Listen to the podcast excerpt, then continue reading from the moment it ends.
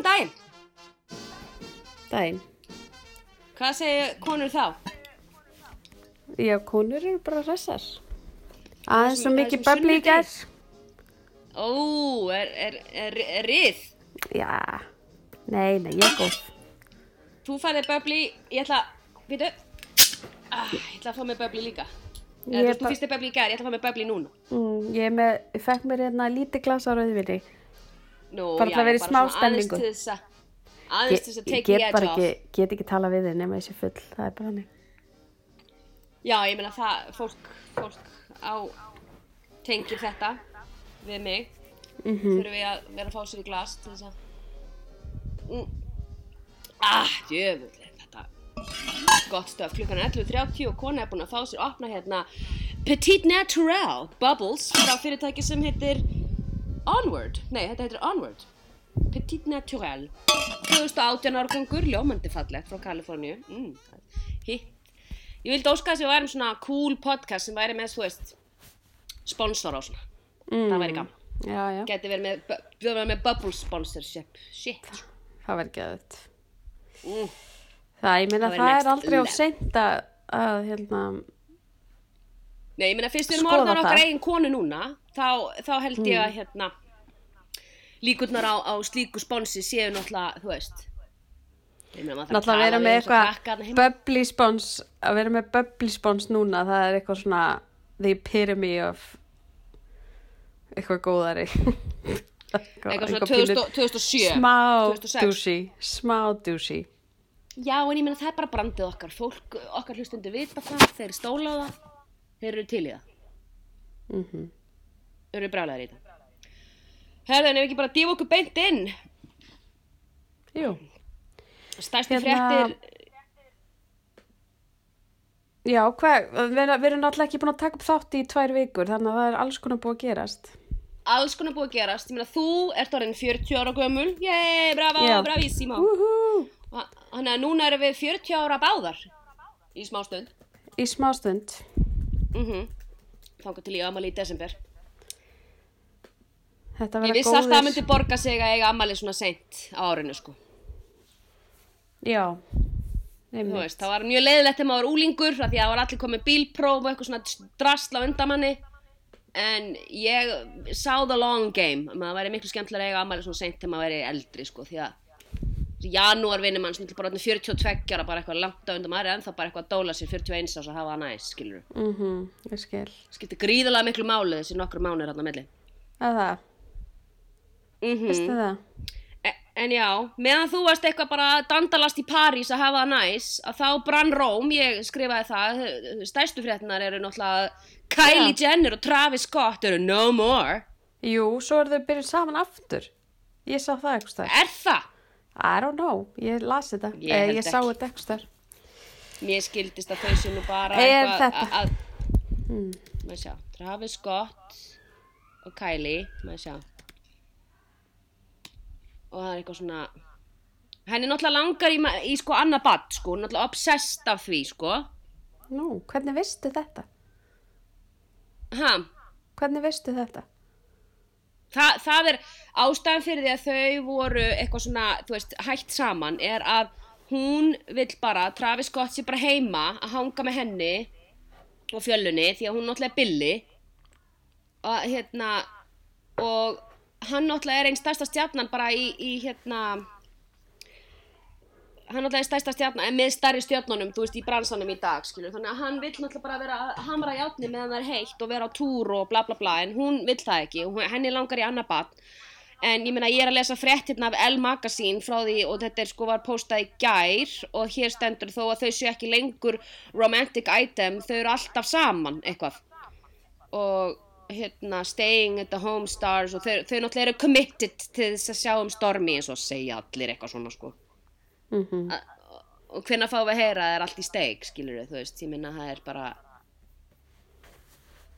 I don't know og hann eitthvað slasaði sig hann braut ábyggla á sem hnið á einhverjum tólingum í fyrra dag en það var líka ógæslega að fyndi sástu hann á trólið sem hún lendi í því að hún var með hann að risa túr um hérna, skrifstofuna sínar? Nei. það var algjör snild sko, 16 mínuna vídeo á YouTube, ég setti það á, á hérna, síðun okkar sko.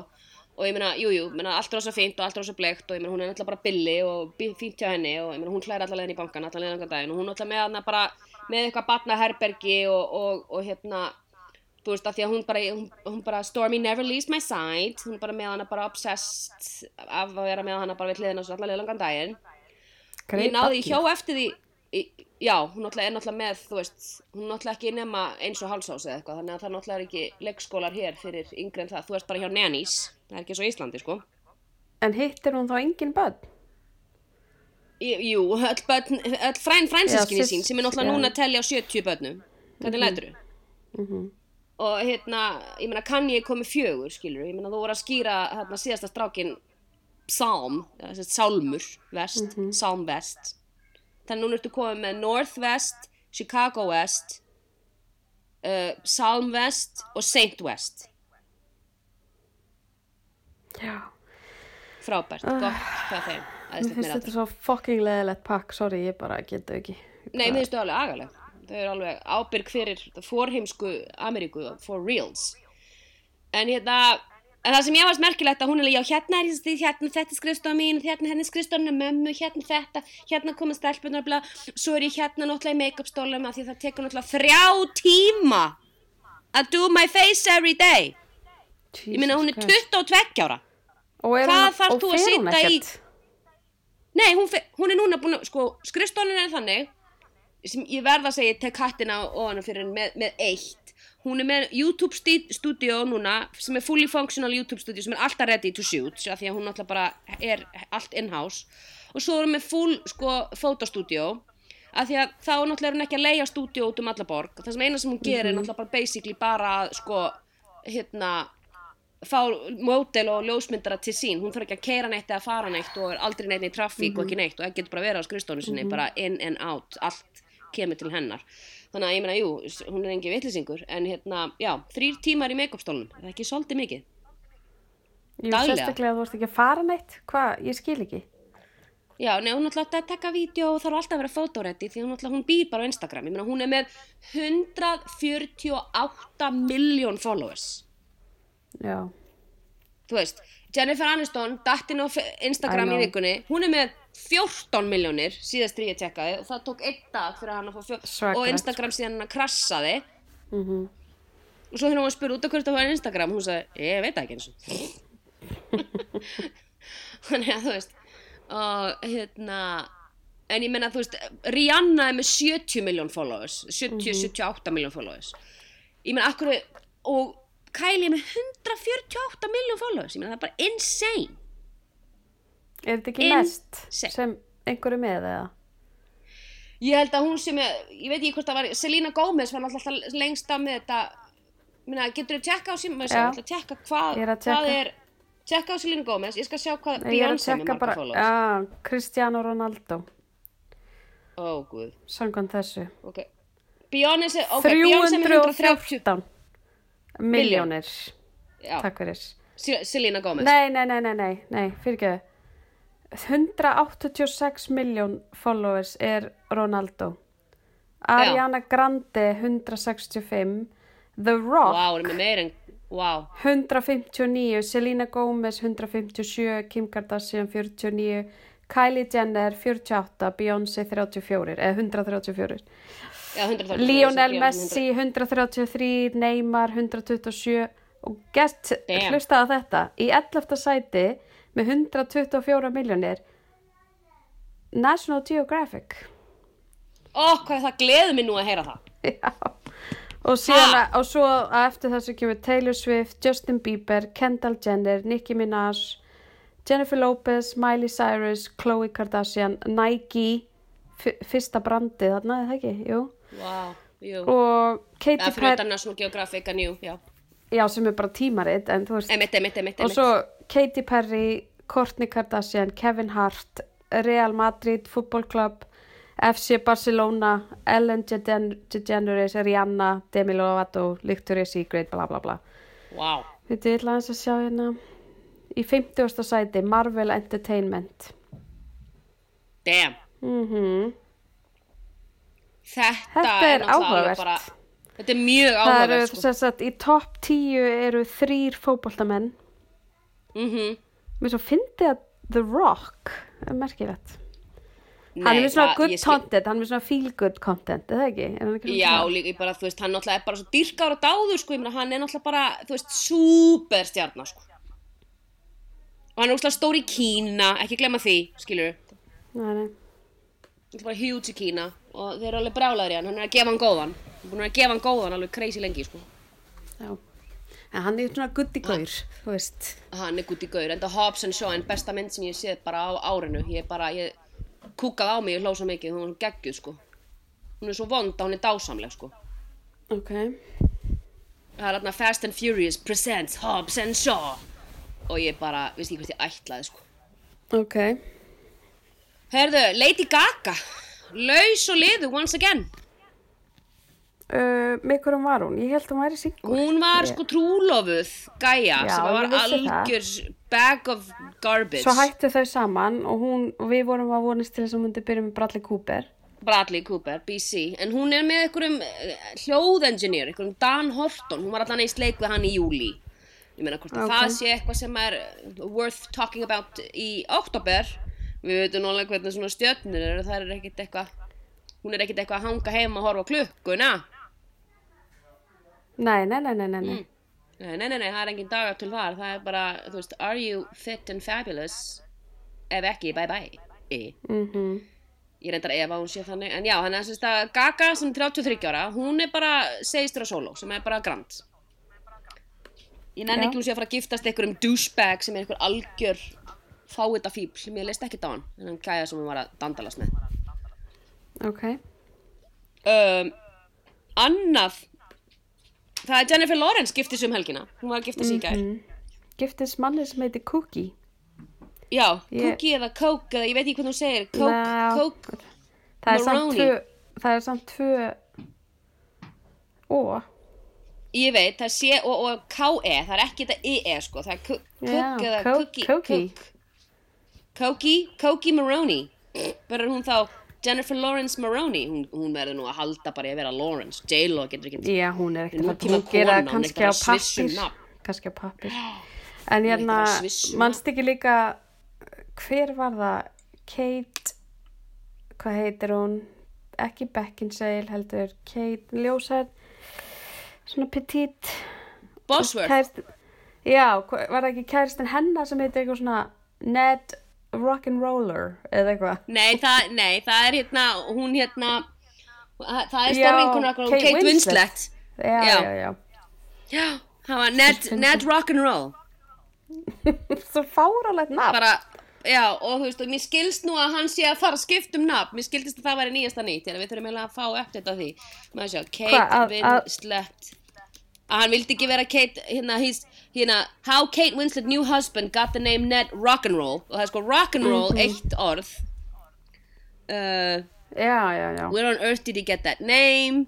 Bla bla bla. Sjá, þetta er frétt frá, er frá 2012. Þannig að hérna við skulum kannski kíkja á einhverja nýrri, nýrri, við getum ekki verið að servera okkar gestum hérna einhverjum viðbjóði.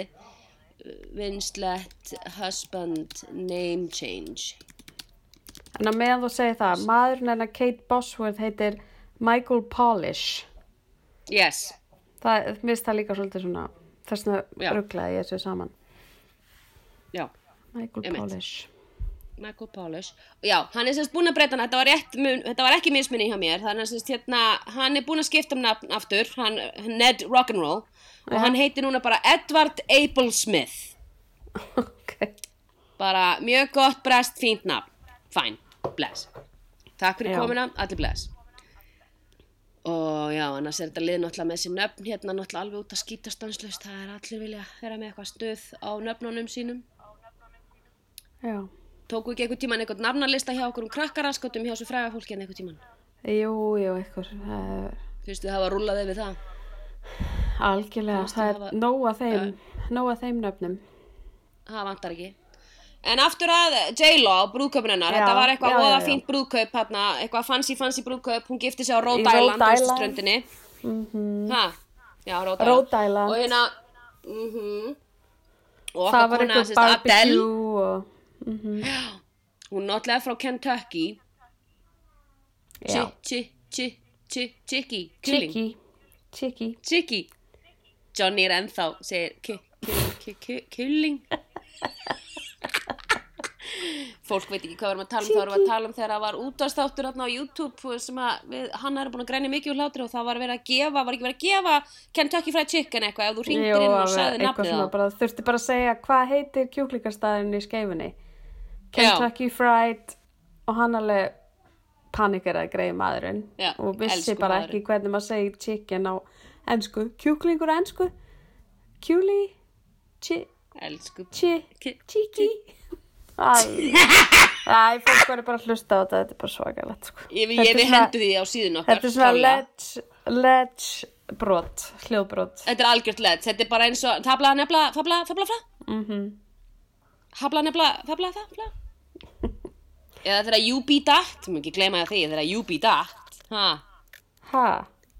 My name is Unnubirna, but you can call me Yubi. Og hún já, það? var svakalegt. Unnubirna datt, það var ledge. mm, Það var ledge Það var líka ledge. Uh, já, er chicky. Það er mikið tekið hérna á heimilinu. Um, Allavega, þetta og já, brúðkaup þetta brúðköp, Adele var mætt þarna jara, með Adele var þarna Við varum svona jara, Jara, jara. Cameron Diaz var þarna, Nicole, Nicole Richie var þarna, með Benji bræðurna báða. Já, Þú vilt duttu þeir í lukkupottin því að þeir eru bara eitthvað good Charlotte, ég meina, er eitthvað, þeir, þeir bara ennþá að túra eða what's happening? ég efa það.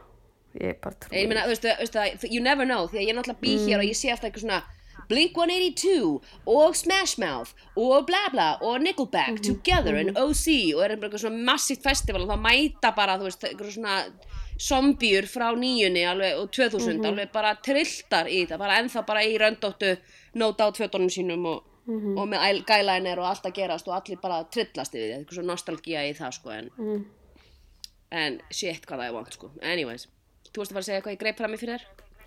Nei, það var svo sem ekkert merkilegt. Ég ætlaði bara að digressa og segja að Adele er að deyta einhver gaur. Já, hvernig er hún að deyta? uh, Einhver langar að Já, Skepta, er hann einhver svona rappari eða eitthvað, ég veit ekki. Pínu vandrarlegt bres, ég veit ekki. breskur? Já, breskur Býtu hvað heitir hann? Skepta. Sketta? uh, Skepta, já. Já, hún er að- mate. Hún er vist að deyta hann og þau eru bæði frá eitthvað Tottenham. Og Ok, það var vist eitthvað svona connection og þau voru eitthvað að spjalla á Twitter og svo hérna bárust einhverja fréttar þessu og fólk er bara pissi brækunar og spenningi yfir þessu connectioni. Skepta. Býtu, ok, þannig ég held að Skepta hafði mitt líka verið að deyta ekki minni konur heldur en Naomi Campbell um daginn. Já, það getur verið. Já, Já, það er þessi sko, það er sami. Já, já. Mm Það er, Skepta gets around sko, það er bara, bara top shelf pussy fyrir þennan mann. Já, ha- he's got good taste. Skepta, pretty goddamn good taste. Hann er 37 sko. Já, já Ána líka með hana, erum ekki, hún er enda svolítið í svona gömlu köllunum, hann er sæ, gömlu, ok, Rolex, hún er svona í hérna eldri mönnum, þessi Simon Konecki hérna, maður hennar, hann var alveg vel eldri en hún. Já, en ég meina, er hún ekki bara þrítug eða, þú veist, hún er ekki Jú, hún er ung? nýjórið 31 ás, hún er, ný, hún er 31 ás. Já, en hún vann alltaf bara samt með honum Simon Konecki bara í 8 árið eitthvað, bara frá það var 23, sko. Já, það er gott að hún sé living her life her best Living life her best life, honey, just get it. Aldrei lítið betur út, konan er alltaf bara svo mikið queen, sko.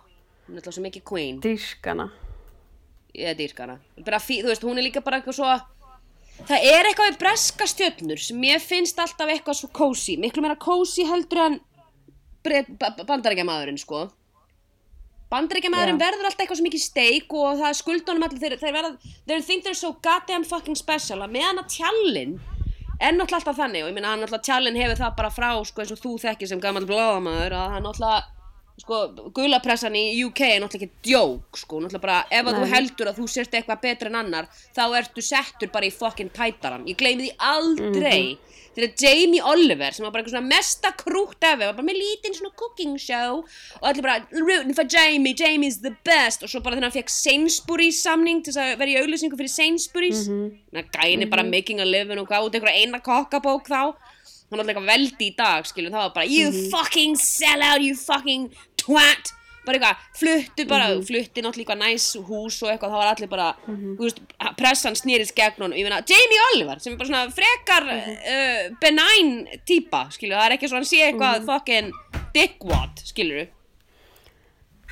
ekki svo hann sé að gera einhverja glóriur út í bæ, bara búin að vera giftur þessu sömu kettlingu og hann er búin að drita niður einhverjum sex krökkum sem að einmitt líka heita öll eitthvað Poppy Lemon Pie og, og, Já, já. og, og hérna Moon, Moon, Unit, nei, Moon Unit er Já. náttúrulega Frank Zappa.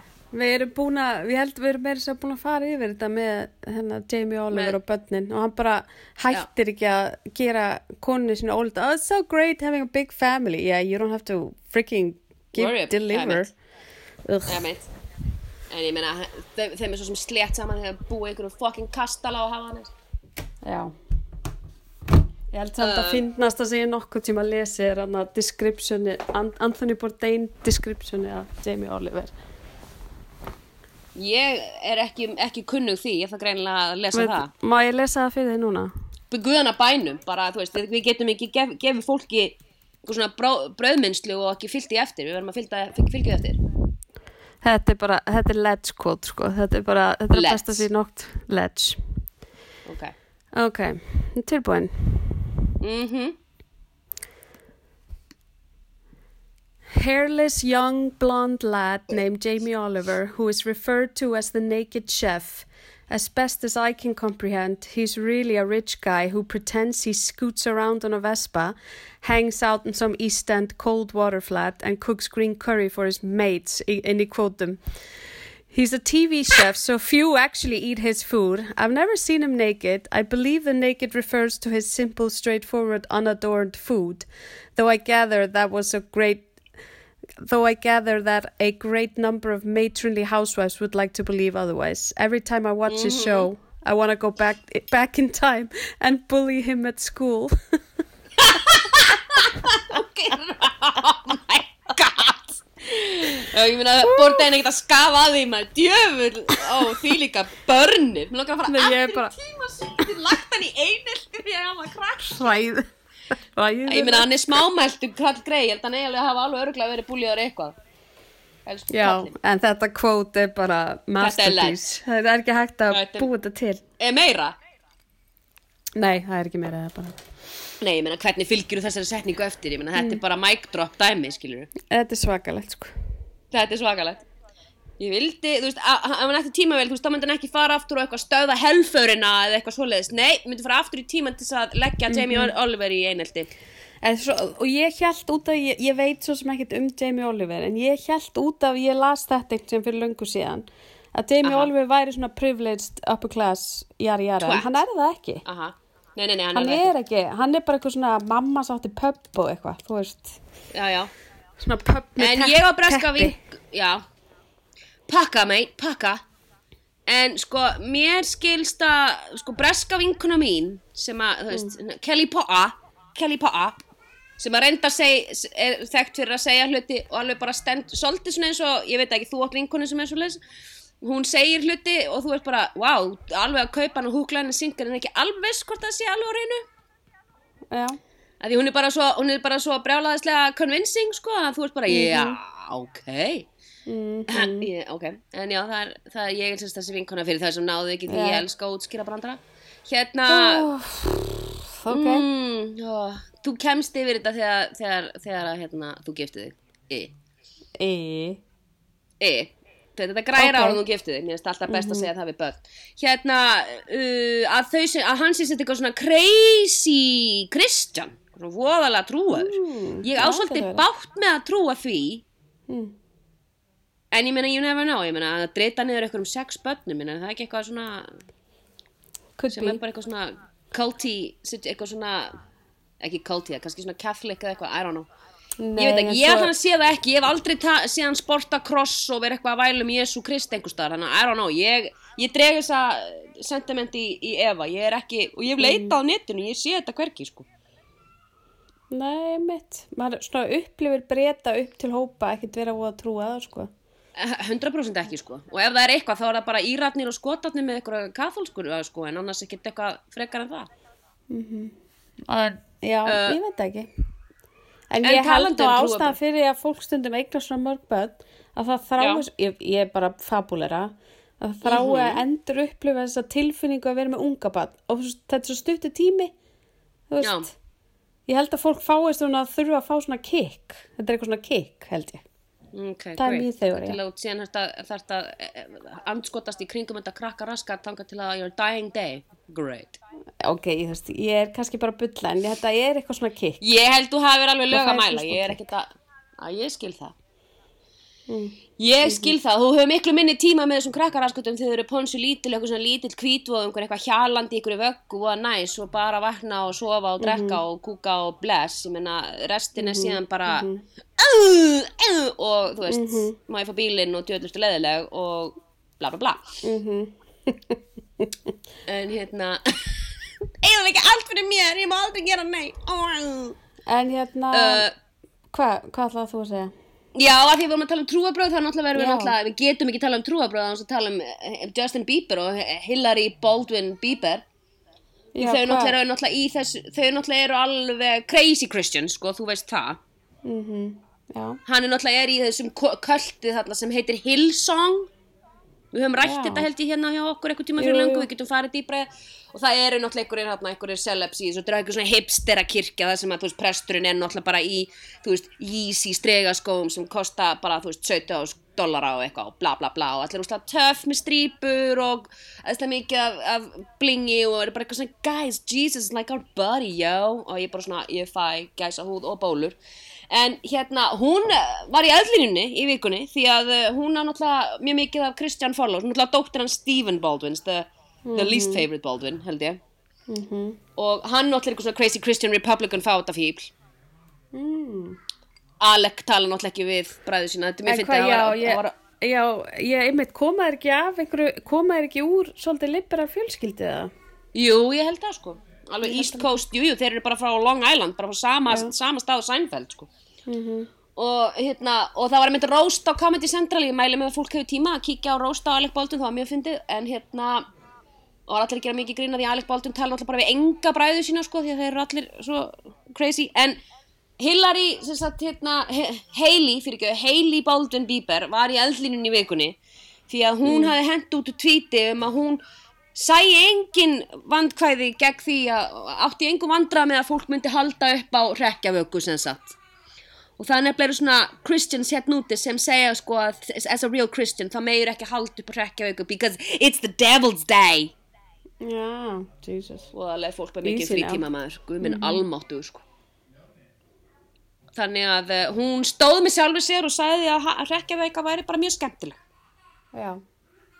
og hvað heldur þú undir yfir að þau eftir að vera gift lengi bara, veist, hva- hvað segir brjóst við þér fyrir?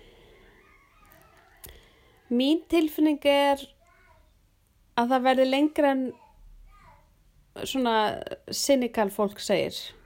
ok, Ég er ekki að segja langt as in forever. nei nei kannski svona sex ár, ekki átján mánuði eitthvað svo les Já, ég get alveg trúið að kannski ekki sex, ég veit ekki, en ég, ég geti trúið að kemur ball líka. Já, ég, það er strax byrjað, það, það er öll, ég var í check-outinu í Smart and Final og það er bara But that was fast, baby news on the way for the beeps og eitthvað svona sko, en þú veist, ég minna það var líka, þú veist, in touch og in touch sem svona sirka skeini Já, það pappirinn í, í, í röðinni Já, af, af slúðublöðum sko. Maður er ekki beint að taka það alvarlega. Nei, það er ekki sérstaklega in touch og að heita eitthvað annað, en hérna, uh, já, það er sagt, uh, það kemur ábyggilega batn, ég meina þau eru svo miklir illar, þau, þau þú veist, ég meina, og, og ung og hún er bara eitthvað mótil og hann, ég meina, er hann að gefa út eitthvað nýtt efni eða what's going on? I don't know. Mér langar að segja Ég veit að þú náttúrulega er alveg brjáluð í bíber. Ég er alltaf að hlusta á hann. Nei, Mm ég, ég veit það bara ekki. Nei, ég held ekki. Kanski var eitthvað lag, eitthvað svona featuring, eitthvað.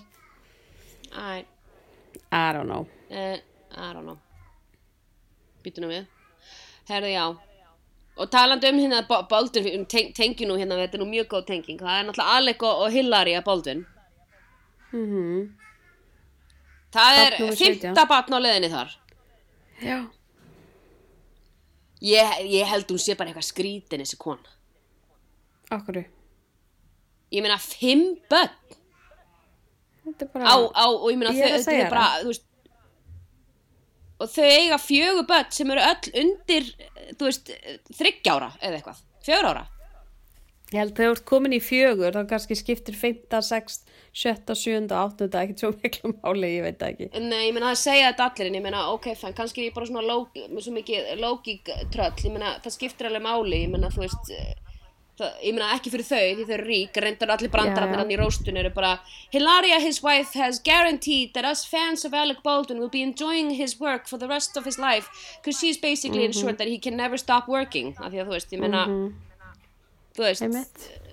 fimm börn og hún hérna misti vístu fóstur um daginn og það var voðalega sorglegt og svona og þegar Mm. við erum samt að halda áfram að reyna að vera máli brjálu þannig að hérna, sko, þannig að hún á sérst 16 mánuða barn, 30 ára barn 4 ára barn og 6 ára barn Já, það er svakalegt.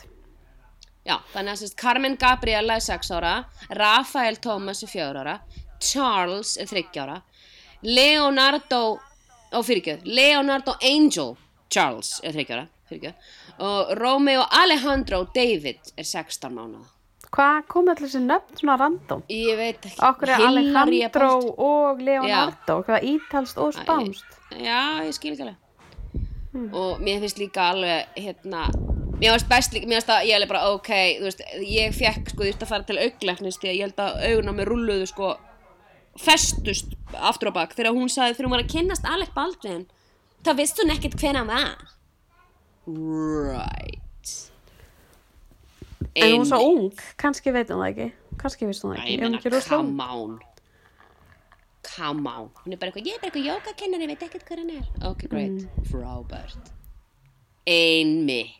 Gott hjá þér eðislegt, frábært neira áttur um, má ég nú sjá.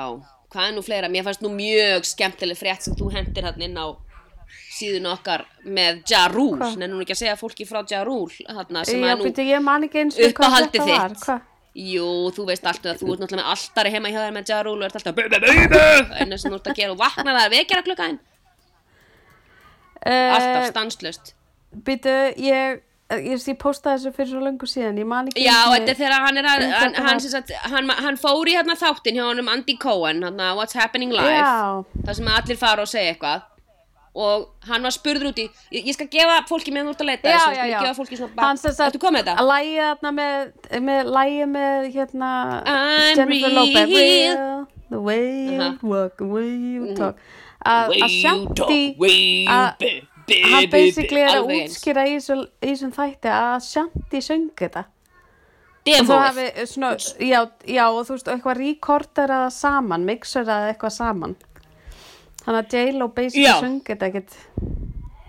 Já, hún söng ekki bakrættinnar, eitthvað svo leiðis, af því að þú veist að það er hægt sko að, að, að, að Santi hafi verið með rættinnar undir, af því að hún söng demóið þegar að lægi var, af því þú veist, eins og, eins og music brand sem gengur fyrir svo, fólk náttúrulega þekki þetta, þá náttúrulega er, ert alltaf með eitthvað sem að syngur lægið og síðan er það seld, bara bóð Beyoncé fara að hlusta það, Whitney Houston fjekk að hlusta það, og bara hey, how do you like the song, og þá stundum, hérna, og Jennifer Lopez hefur greinlega keft þetta lag, og verið ána með það, en þau greinlega haldið í, hérna, í uh, vókalana hjá Ashanti og hann átti eitthvað svona að neita þessu hann, hann tókst það nú ekki sérstaklega vel Nei, og fór allir í kúki þessum þætti og basically bara svona talaði af sér og svaraði þessu ekki mjög vel og þetta var Nei, eitthvað nei, mjög nei, svona vandralett en náttúrulega alveg- löngu vita að greið Jennifer Lopez er ekki besta söngun í bænum. hún er ekki sterkasta söngunan í bænum Næ, það verður seint sagt ég um held hana. að.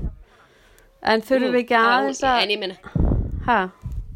hún er náttúrulega bara entertainer ég meina, þetta er Madonna Já, já. Madonna getur alveg sungið, skiluru en Já. ég meina, Madonna er aldrei verið fræg fyrir að vera, hún er ekki fucking Celine Dion, skiluru en ég meina, Jennifer Lopez Nei, er nei. bara entertainer svo Britney Já, já. En Mhm. þú manns Madonna performance á Eurovision, eða ekki?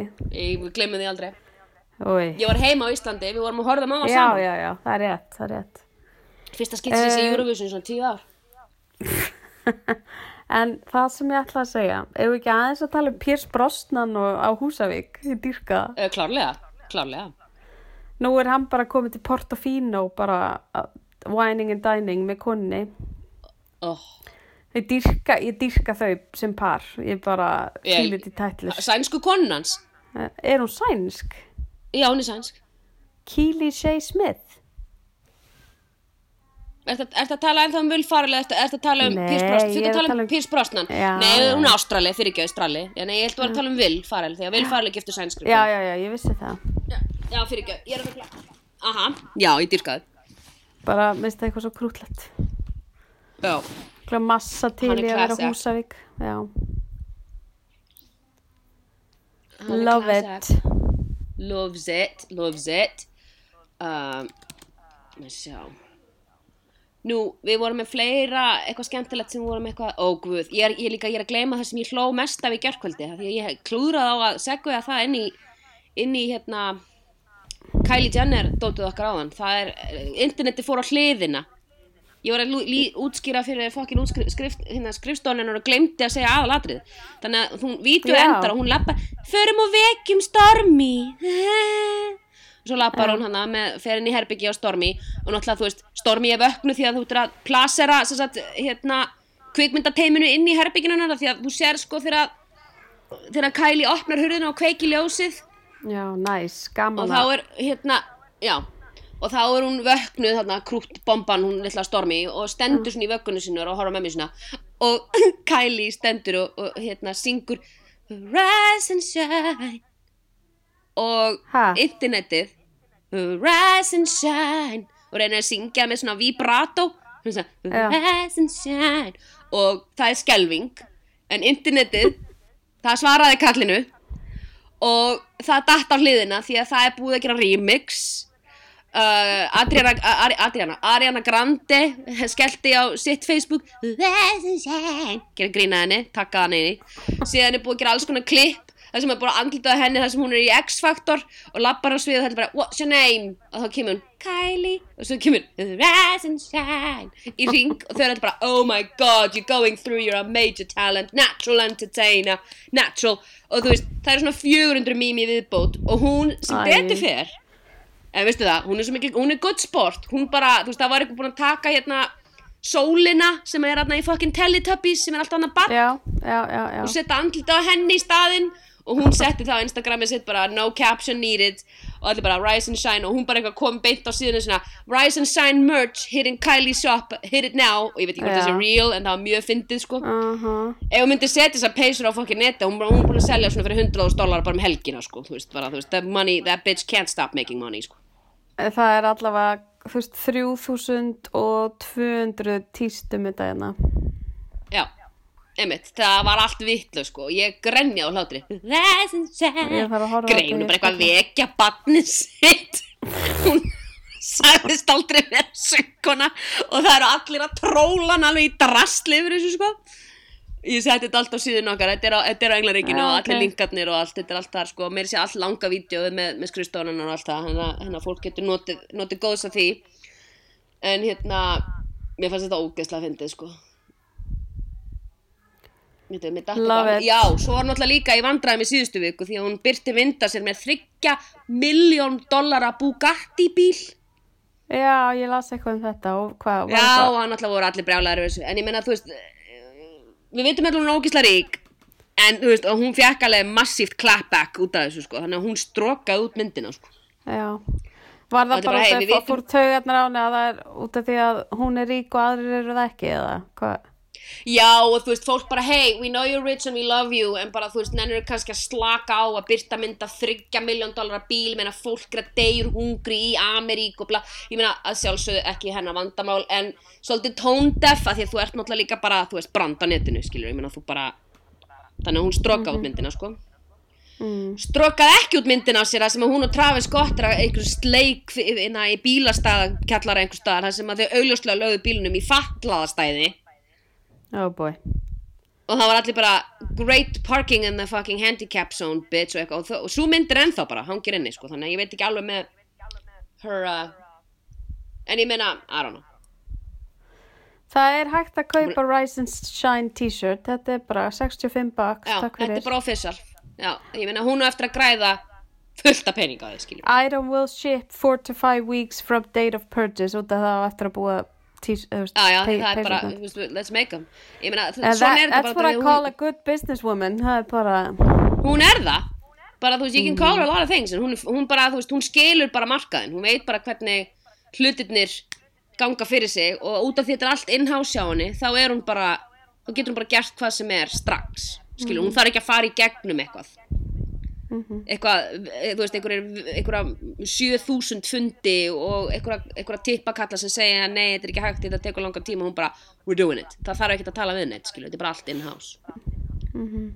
Uh, Herðu, hérna vælukjói vikunar verður vist að teljast vera Jared Leto. Hvað, okkur?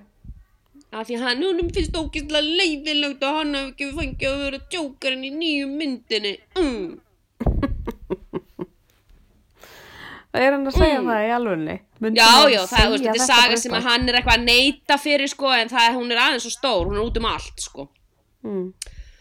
Og hérna, hún er út um allt þessi saga og að hann hafi, þú veist, uh, hann hafi haft samband við, hérna, um, að því að sko umbósmaðurinn hann, hann er sérst hjá umbóskristónin CIA eða Creative Artist Agency sem er einn starsta, hérna, management agency hérna í LA og sko Todd Phillips sem er leikstjórin sem er leikstiði sko by the way old school, sko ekki gleyma því sko sem er bara Jú, jú. klikkaðasta mynd ever og hangover og eitthvað og hérna, og ég er búin Og að sjá sem var að Joker og hún er kvarti við frábær því um daginn. Að hann var að kristi sér ekki leik... Nú, Todd Phillips. okay. Hann var að kvarti við því að, að hérna, það er ekki hægt að leikstýra svona grínmyndir lengur og það má ekki gera neitt lengur. Já, það sem er alveg, ég meina, he has a point. Nei, þessi það er alveg crazy. Já, en það er samt fullt af fyndnum fólki að gera fullt af góðu stöfi. Al, ég er alveg sammála því. Já, já, I know. Hanna, en, en þú veist, mér finnst ekki sangjant að þú veist, að rífa upp uh, bloggviðtal við þig 99 eða eitthvað. Og þess að hún sagði þér eitthvað svona misköplótt þar og bara eitthvað að lífi fyrir því í dag og þú varst bara að Já, segja bara, mér finnst bara hitt Þú veist, og þú veist, mjög margir eru sem bara að en- missa, nei, og eru bara að missa karriérana sína út af einhverju svoleiðis, ég meina, þú veist, bla bla bla, en ég meina, ég, ég Mhm. við erum að losa með blaðsu, ég er alveg að lesa hvað þú ert að segja, I know, I know, Mhm. þú veist, var- Mér fannst En- hann vera að væla.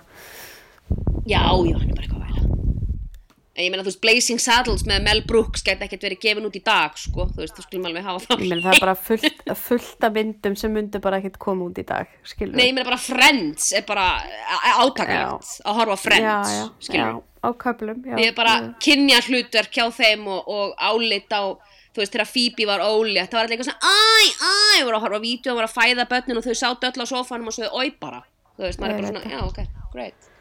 Know. en já mhm, og En uh, það, hann, það þýðir samt ekki að það sé ekki hægt að gera ógísla fyndið yfirgengilegt stöf.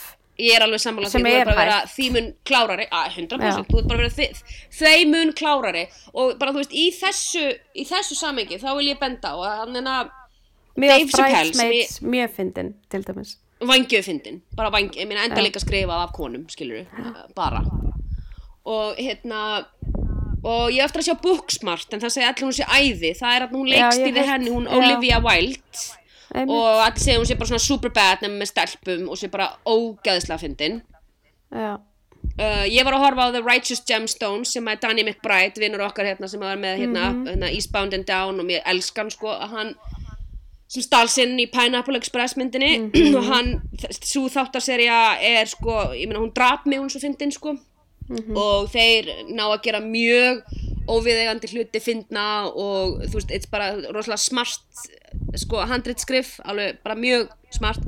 En sko Dave Chappelle með nýtt stand-up, það er á Netflix. Og þetta er eitthvað Sticks and Stones heitir það, heyrðu í mér? já, ok, ég held að ég er með eitthvað poor connection, ég ætla bara þú sjá, alright. Og hérna, ég var ég elskan en ég var less enthused mér fannst það ekki sérstaklega gott. Og Ok. það var út af því að hann var með eitthvað brandara um og þú veist, nei, ég var ekki móðguð. Ég er með sérst móðguð samt sem sko manneski sem er aðdándi góð screens er að hann var með eitthvað brandara um sem sagt, LGBTQ samfélagið og transbrandara og eitthvað svona. Og svo var með brandara um hérna, Michael Jackson myndina Leaving Neverland og basically sagði að hann trúði ekki þessum strákum eitthvað svona sem ég fannst frekar mikill óþarfi. En hérna að hérna, brandararnir voru bara ekki, þú veist, ef þú ætlar að fara á hálanís, skilur, ég meina, ok, stand up er kaparett, þetta er ekki TED Talk, fólk má ekki líka gleyma því, veist, þetta er ekki, Dave Chappelle er ekki í hörpunni, þú veist, að selja sjálfshjálpabækur, þetta er grín, grín er kaparett, grín er fake, þú veist, þetta er ekki þú, basically að tala, þannig að fólk voru að skilja það, ég skil það alveg, en ef þú ætlar að fara á svona svæði, sem eru þessi svæði, sem eru bara jarðsprengisvæði í dag og hefðu alltaf átt að vera það, þá verður brandarinn að vera þeim mun fokkin betri og þetta var bara lazy og ekki fyndið bara, þú veist, ég var alveg hm, mér finnst þetta ekki alveg þú veist, Ricky Gervais gerir þetta betur, sko Já. Hann hefur ég alltaf gert dálítið. Já, já. já hann hefur gert grín af, af, af, af, af þú veist, fólki með krabbamein og hitt og þetta og dvergum og bla bla bla en hann, og to his point það hefur hann alltaf sagt, skilur að, að hans svona sjónarhóll með grín er leið og við setjum fólk á spássíðuna og segjum ok, við ætlum ekki að gera grín af A, B og C að Já, já. þá erum við einmitt að skilja fólk út undan, skilur og, og það er ekki skemmt, fólk vil vera partur af samræðinni, skilur Mhm. og ég er alveg sammála því en, en það er náttúrulega bara veist, þetta er, það, er engin að, það er engin með byssu við höfuð að þeirra að segja að vera grínisti þú þarft ekkert að vera það og ef þú ert ekki fyndin þá mun náttúrulega bara samfélagi láta það heyra það that's the bottom line Mhm, basically. mm so Sástu Aziz, Ansari? já, Þessu. ég sá það já, Mm, mér fannst Gerðu- það, já. mér fannst það Mér fannst hann tækla vel það sem hann þurfti að segja um hérna, jú, þetta skrýtna mál hérna. já, já, já, já Uh, en mér fannst þetta ekki dóla að fyndið. Nei að þetta var nánast ekki þetta meira eins og fyrirlestur fannst mér Já, já. og minna eins og stand-up og en mér þótti væntum það sko og það því að þú veist eins og við hefum líka talað um hér ég menna þú veist eins og, eins og veist, það, það er sko örgustu stuðningskonur við erum allra sem hafa upplifað einhvers konar ofbeldi eða kynfyrirsofbeldi eða misnótkun og af einhverju leiti þá náttúrulega eru við ötular baráttukonur fyrir alla þeim megin, konur og kalla og þá og þau og whatever. Að hérna, þú veist þá er þetta náttúrulega skali og hann nauðgaði engum, skilur, það má henn en lífið þess var, hann var algjörlega settur á spásinu og lífið þess var næstu bara búið, ferillin búin veit enginn tala við hann og þú veist hann Það er svo ekki hægt að tala um þetta þetta er alveg svona, hún upplifði eitthvað og það er ekki hægt að setja út á það, skilur við? Nei og hann er alveg búin að viðkynna það hann fór, hann, hann, eins og við höfum rætt hér líka og þegar, þegar þú varst líka að vinna Það er hjá- að tala um þetta. það er óþægilegt að tala um en mér finnst að mynda þá, þá þess þá heldur þá bara að ræða meira til þess að vera normalisera út af því að eins og við höfum rætt hér og þú sagði mér einhvern tíma þegar þú varst að vinna hjá UN Women er bara þú veist að suð um kynlíf er er bara, er ofbeldi skilur, þú veist, það er partur af ofbeldinu það er kúun, það er verið að neyða fólk í eitthvað sem að það vill ekki og þú Já. veist, ég meina hann er bara eitthvað að setja til hann á sér á öxlin á henni þú veist, meðan hann er í íbúðinu hans, ógeð. skilur Það er ógeð. ég meina, come on Það er ógeðslegt. Þetta er ógeð, það sem hann gerði. Þú veist, ég maður Þetta er ógeð. nei, maður langar ekki að lenda í svona en sko, ok, devil's advocate förum samt Oh aðeins boy. út fyrir svega Hvað ertu förum að út fyrir segja? svega þetta verður, nú, nú hætti allir að hlusta englarík því að dröfsa eitthvað aðalagt hérna, þau hittust á Tinder. Tinder er ekki í flestum tilvikum staður þar sem að fólk er eitthvað að hitta fólk sem það mun hitta eilifu uh, núverandi hérna, félagskapur algjörlega undanskilin því að ég veit að það hefnaðist vel hjá þér. Og ég hitti manni minn á MySpace sem er enda var ekki Tinder en hérna og fólk hefur hist og það hefur verið mats og fólk hefur bara dásamlegt, frábært við vitum hins vegar er, ég, ég hef aldrei verið á Tinder því ég er búin að vera gift svo lengi og þeir sem hafa séð mig á Tinder og leini aðgrunum mun vita að ég er náttúrulega, þú veist, keep it on the DL að hérna fólk er alltaf til að hittast til að ríða er ég að fara með fleipur eða? Nei, ég held að sé bara allir gangur á því, sko. Já, já, en ég meni ég held að sé meira tilgangurinn svolítið þar, því miður. Ég veit ekki. kannski er það að minka núna. Ég En bara veist- veit ekkert um það. Sorry, ég bara, nei, nei, I don't know. nei, og ég er bara fabulera eins og þú varst að fabulera með hérna nýbura hérna, kenninguna þína, þannig ég ætla bara að fabulera að hérna uh, þú veist, hún hittir hann þar og eitthvað, show, bla bla, þú veist, og hann er celebrity og þetta, þú veist, þannig að dýnamíkin er náttúrulega þessi erfiða dýnamík um að, veist, og hann segja okkur hittumst og förum valda mismunur það verður alltaf og bara því miður, ég er ekkert eitthvað stuðningskona því, en þú veist, hann lappar inn öruglega bara með the expectation að, þú veist, þessi gæla vilji ríða sér, sem að hann má alveg halda en það þarf ekki að act on that. Og hún lappar inn og því hún heldur að hann sé að vera kærastinn sinn. Og ég meina, þú veist, þarna bara lenda þau bæði í kleinu, skilur já, já ég en ég meina, fór hann yfir voru- 100% hann fór yfir fullt Já, af já, strikum já. ég er ekkert að afsaka hefðun hans whatsoever, sko.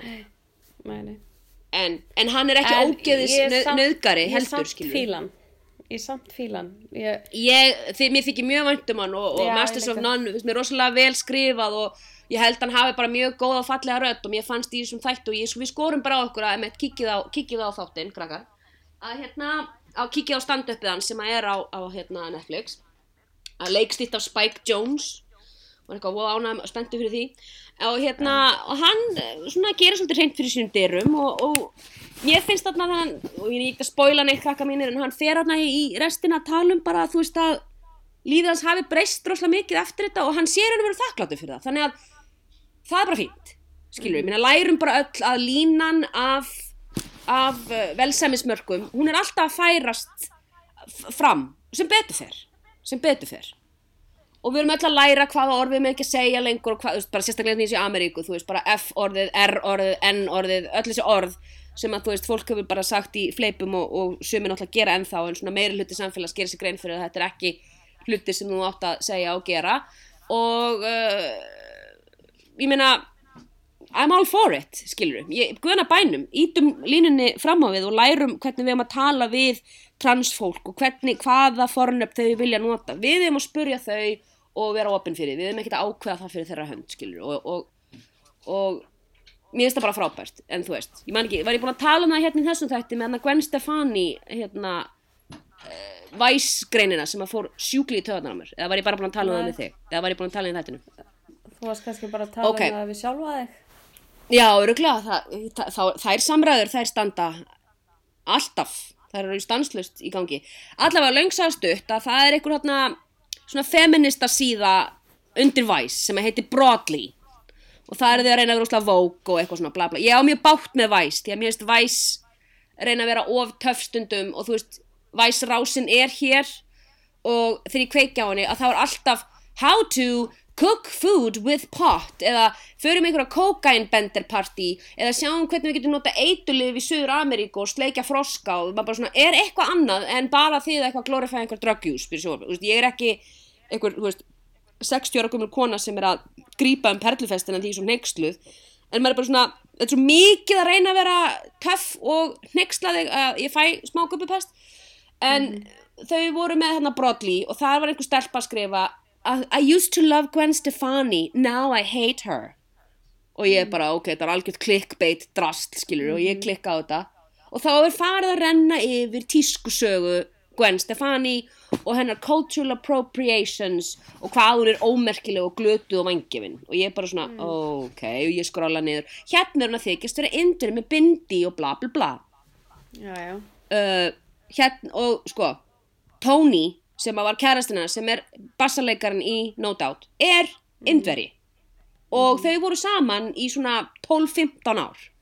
Og ég er en með bara á síðan minni búið tveir kawaii og allt svona þú veist, það ég síðan fyrir hún til Japan og tekur Shibuya og það er bara, þú veist, hérna, en ég meina farðu bara til Japan og sjáðu bara kúltu sem að Japanin taki gefur, skilur, en það er bara, þeir eru ekki hvítt fólk að það er öllum drullu sama. Þú veist, Japanir, they don't give a fuck þú veist, þeir, ég skal, ég skal segja sögu því eftir, eftir þetta, en þú veist tengdamamminar gaf henni sari og bindi og allt og hún fór í hátegismat og kvöldmat og jólabóð og allt og þá var allir með bindi og bla bla og hann fannst hún bara vera þú veist, bara kærasta mannsins sem var endur í að bara heiðra menningu mannsins síns, ég meina þau voru saman mm lengi. Og svo er líka bara tíska is a thing, það sem hann hlutir ég meina, Khloe Kardashian var með dreadlocka bara fyrir þremar árum síðan. Uh, feilspor, já, pretty much en þú veist, ekki alveg það flottasta í heimi og hérna, þú veist, það er ekki allir með, þú veist, Indiana headdress á fucking Burning Man, skilur, sem maður hún alveg sé fólk a- að gera bara í, í fyrra, skilur, þú veist. Og hérna, og síðan er hún hann að Kwai og er hann að, þú veist, hérna er Harajuku Girls og allt það. Og ég meina Madonna er búin að gera þetta líka það hefur ekki verið, ég meina Madonna er í vídeo af fucking erotika-plötunum með cornrows, skilur, ég meina þetta er bara tíska. Og tíska er eins og hún er og hún er flýting og fljót og Já, oft er já, hún lítil og ljót? Já, já. og ég meina það að eitthvað draga línuna eitthvað 15 ár tilbaka og segja að hún hafi verið culturally inappropriate er ekki beint sangjant, er ég að segja. ég, ég er alveg samanlega, en ég held í Já. dag er alveg hægt að vera Já. aðeins vitrar eins og 100% af því að við erum að tala um að færa velsemismörkin áfram. Guðuna bænum, færum þau áfram alla daga, hverjum minn einsta degi. Bara for fuck's sake, skilur en ég meina þú veist, ég fór til Japan að þú veist, og vinnu minn sem er hérna Mexikani Chata, vinnu minn hérna, hann er svona á, þú veist, svona 50s bíla og ferðast út um allt og fer með bílinn sinna á einhvern svona 1957 Chevy og fór á einhverja bílasýningu í Tokjó og þar er hann að lappa í Shibuya og, þar, og þú veist, hann er bara, þú veist, Chata er bara í Chucks skóm, þú veist, bara í Converse í Dickies stuppbuxum með keðjuna og veskið og er snóðaður og þú veist, aðeinslega sætur með skegg og svona og bara, þú veist, er latínó aðeinslega ríkala dætur gæi. Og þú veist, og það bara lappar upp á honum bara eitthvað Japani sem er bara með hvítu sokkana upp á hnýje og þú veist, er allt og bara, oi, morale, vato og hann bara, excuse me? Og það bara, are you a real Mexican? Og hann bara, yeah, I'm real Mexican. Hann bara, vá, maður ég koma við þeim minnst það geðvegt og þau bara hói vini sína sem voru allir bara eitthvað bara dressaði to the nines eins og þau væru bara í, þú veist, menace to fucking society, latino style. Og en máli er þeir gera þetta svo miklu á þeir eru sko, þeir eru að deyja úr ást yfir þessu þú veist, þeir eru ekki að þess að gera grín nei, þeir eru bara og, og Chata sagði, you motherfuckers look like you just got out of jail, motherfuckers. Og þeim fannst að geða ykkur gæðastempill oh, En er það er náttúrulega líka alltaf sagt, þú veist, ef þú veist að gera það til þess að pay tribute og vera, veist, að gert af einhverju, sko, heilitum og þá að sjálfsög, að það sjálfsög lagi. Meina, þá stiðjum við, við ég á einhverja myndra mér í, ég á einhverja gamla myndra mér í Sari, sko. Mamma hefur farið Ég- ég... sjösund til Indlands, hann að þú veist, Já. bara takið mig að lífi núna, sko. Ég meina það eru myndir af mér 98 eða 7 í London þú veist með bindi og ég var með henna ég meina Madonna var bara nýbúin að gefa út Ray og Light þannig ég hennaði á mér allar hendurnar skilur. Ég var bara, ég var bara að vera með henna tattoo bara því að ég bara, þú veist það was the deal. Ég fór bara á fucking Brick Lane og let bara einhverja skvísu henna mig upp skilur. I know, ég á líka einhverja myndir frá Halloween í bandarækjunum sem að ógvöð við erum bara mjög fegin að Nei, það er ekki svo, ekki svo slæmt. ég bara hvað er að gerast á svo Nei, nei, nei. Ég er ekki, hérna, ég er ekki, hérna, kanadíski, hérna, hvað heitir hann? já, Eh. Trudeau, ertu ekki blackface þú ert ekki Ég er blackface ekki, ég er ekki Trudeau slæm, skilur við, en ég á einhverjum svona myndir sem að, já, já, bara, ég meina sem betur fyrir er bara margt sem að já, ég meina sem betur fyrir er, eru við bara mjög hefnar og okkar kynslu þú veist, að, að það er bara ýmislegt sem að sem að var bara ekki, þú veist, social media var bara ekki til. Þannig að bara guð blessi okkur. Þannig að nú þurfa allir að vera svo mikið á tánum og passa sér svo mikið og það er ekkert sangjant því að það verður ekkert skemmtilegt, ég meina spólum bara hundra ára fram í tíman ég meina það eru bara komin einhvern Black Mirror þátt þarna sem að fólk er bara, þú veist, fær ekki íbúð því þú ert mikið með nóg mikið af followers og likes. Það er nú þegar að gerast í fucking Kína. Já, Vissirðu já, það? Ég er búin að sjá heilan þátt um Nei, það. Nei, sko, allavega Kína og Hong unglingar Kong í dag með ekki fara í partí út af þau feiku ekki nóg mikið að lækum á einhverja mynd. ég meina, þú veist, þetta er náttúrulega bara ógeð. Ég meina, í gamla dag þegar við vorum úlingar, ég heyr alltaf svona sögur, þú mátti ekki fara í partí nema stelpurna blói alla strákana ykkur og ég leik, hvaða partí er það? Ég fór aldrei í svona partí en maður heyrði það þegar maður var svona 15 ára. Og nýjasta nýtt er að þú meir ekki koma í partí og ekki með followers og likes. Nice. Smart. Er ekki líka Facebook og Instagram núna að tala um að fela likes? Já, ok, ég veit ekki. það, það er nýjasta nýtt það, það, það er útspil hjá þeim sem þeir eru að pæli að, að fylgja eftir því að þetta er orðið sko, þetta er sko sjálfsmórstíðni úlinga og barna og fólks á sko undir þrítugt er farin að sko það eru útskýringar út frá sjálfsmórstölum sem að mega rekja beint til sko, hérna, fíknar á social media og, og vera ekki með likes og svona sem er náttúrulega bara hryllingur þú veist, það er nóg erfitt bara að vera úlingur í dag, skilur, og bara hefur alltaf verið erfitt að vera úlingur, þannig að bara það, það þarf ekki svona, auka drastl ofan á það í einmitt. En heyrðu, við vorum með nokkrar aukafréttir sem að ég bara get ekki farið í núna. Það er bara tú, Nei. það er of deprimerandi. Hvaða fréttir eru það? Ertu að meina Og Ryan Philippi sögurnar og, og, Matt Lauer?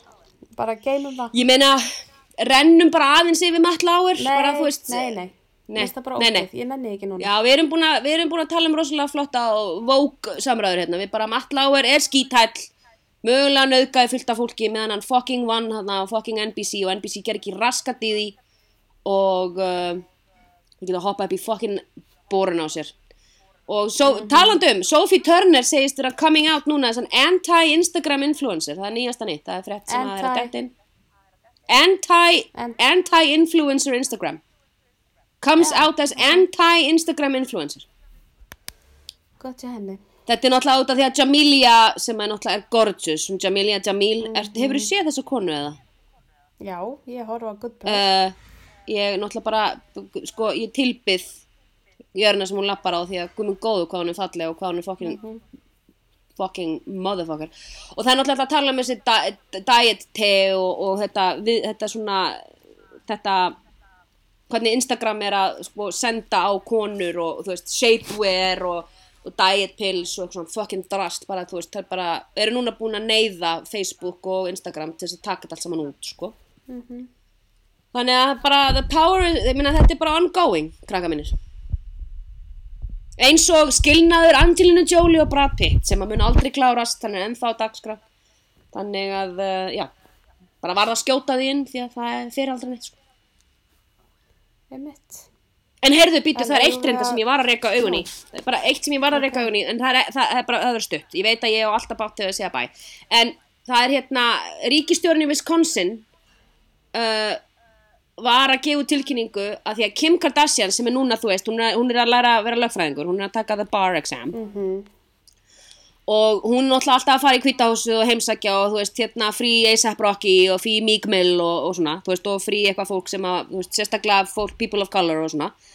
En hún fórvíst og er búin að grát byggja hérna ríkistjóran Tony Evers um að frelsa Brendan Dassey okkar mann hérna úr, úr okkar Já, veikasta mann hérna í Making of a Murderer hérna, litla strák greið og en, það, en hann reynda var að gefa út mjög neik, þetta er náttúrulega ekki skemmtileg frétt en hann sagði að, að þó að Kim Kardashian hafi sagt, komið fram og be, tilbeðið alla um að grátbeðið afsakið um að fre- frelsa Mhm. Brendan Dassey þá muni það ekki hafa áhrif á þá þegar þeir eru með thoughtful review og consideration of his case en það greinlega er aftur verið að renna yfir, yfir það og það er langt í frá búið Ég las einhverja frétt um daginn að einhver maður í fangelsi hafi já, að játað morðið á konunni sem að þetta snýst allt Já. um. Einmitt. So I don't know. Þetta er ekki búið. Ég, ég held að, sko, ég held að Stephen Avery sé skítapakk og ég held Já, að já. séu ríkt skítapakk það sem þau búa því þau eiga þessa landareign og, og það allt saman. Já, já. En hann drap ekki þessa konu, bara, þú veist, því miður. Ég, bara, ég... Nei, ég held ekki Controverse! Ég sé það bara ekki. Nei, ég veit ekki. Ég, þú veist, maður fer upp og niður með þetta en mín tilfinning er líka að hann hafi ekki gert það. Var hann ansi góður manipulator og lægir, sko, finnst mér. Í- Sem að ég bara efan sé, því að þú veist, Hann hann, sjálfur, ég meina, bre- Nei, ég meina, Brendan Dassey, frændin, hann er náttúrulega undir meðal Nei, greint hann og er, hann basic, bara ekki hann að er- vera í fangelsi. Nei, hann á ekki verið fangilsi af því að hann er, hann er, hann er basically lítið grei sem var algjörlega misnotað öllum í kringu sig og þessi ógeðslegi skýta fokking lögfræðingu sem hann var með, ég meina hann var ég meina hárið og, og stuttu buksunar og sokkarnir, ég meina ég bara, ég guppaði og meina hann klófesti hann sjálfur í ykkur að mannst ekki, hann let hann taka upp drast sem hann var ekki satt, þetta er þinn eigin lögfræðingur. Og það ætti náttúrulega bara mistræl Og mér finnst- og þetta líka bara að, að taka börn í yfirheyslur án fóreldra Aha, sem finnst ég bara gegnum gangandi. Þannig að Central Park 5 þetta er, þetta er beyond fyrir mér. Beyond, að þetta skuli hryllingur. bara gerast. Mhm. þetta eru börn. Hryllingur. Þetta eru börn sem að fá ekki að vera með fylgd með meina þau eru undirlaugaldri, fá ekki lögfræðarstóð eða foreldra og eru, eru fá ekki að fara á klósettið, fá ekki að borða, eru haldið vakandi í klukkustundir og end viðbjöð, þetta er náttúrulega bara hrylling. auðvitað, segja þau það bara já við einhverju. Hvað sem er til að komast bara á klósettið, skilur ég, menn þetta er bara hryllingur.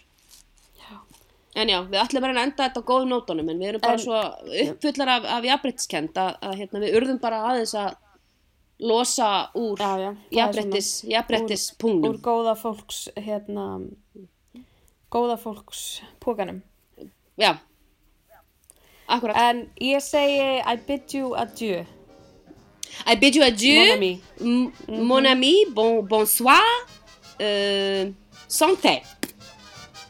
já, Kling, kling, bye, elskan, until next time. Jú, sælar, elsku Ríksugur, það er dröfn hérna sem talar beint frá draumaversmiðinni í Hollywood, Los Angeles. Endilega hendiði í subscribe ef þau eru að hlusta á okkur á iTunes podcast appinu og það var nú ekki verið að hendi stjörnur og umsögn, okkur þætti gríðalega mæntu það og það hjálpa þættinum að vera popular og svona, ég meina, við konur vilja náttúrulega vera relevant og popular. Við erum líka á Spotify, þið getið fundið okkur þar undir Englarík, við erum á Facebook, við erum á Twitter, alls konar stuð og hendið á okkur bara tillögur með efni sem ykkur langar að heyra eitthvað tíman. Stundum fyrir við eftir, stundum ekki, I don't know. En ég meina, akkur ekki fá mér að glimmer í lífið, það er nú ekkert alltaf svo skemmtilegt alla daga fyrir alla. Við erum hérna til að skemmta fólki, hafa gaman, taka ekki lífið neitt eitt sérstaklega alvarlega og eigum ekki bara að hafa þetta gaman saman. Takk að spilum minnar, love you, bye!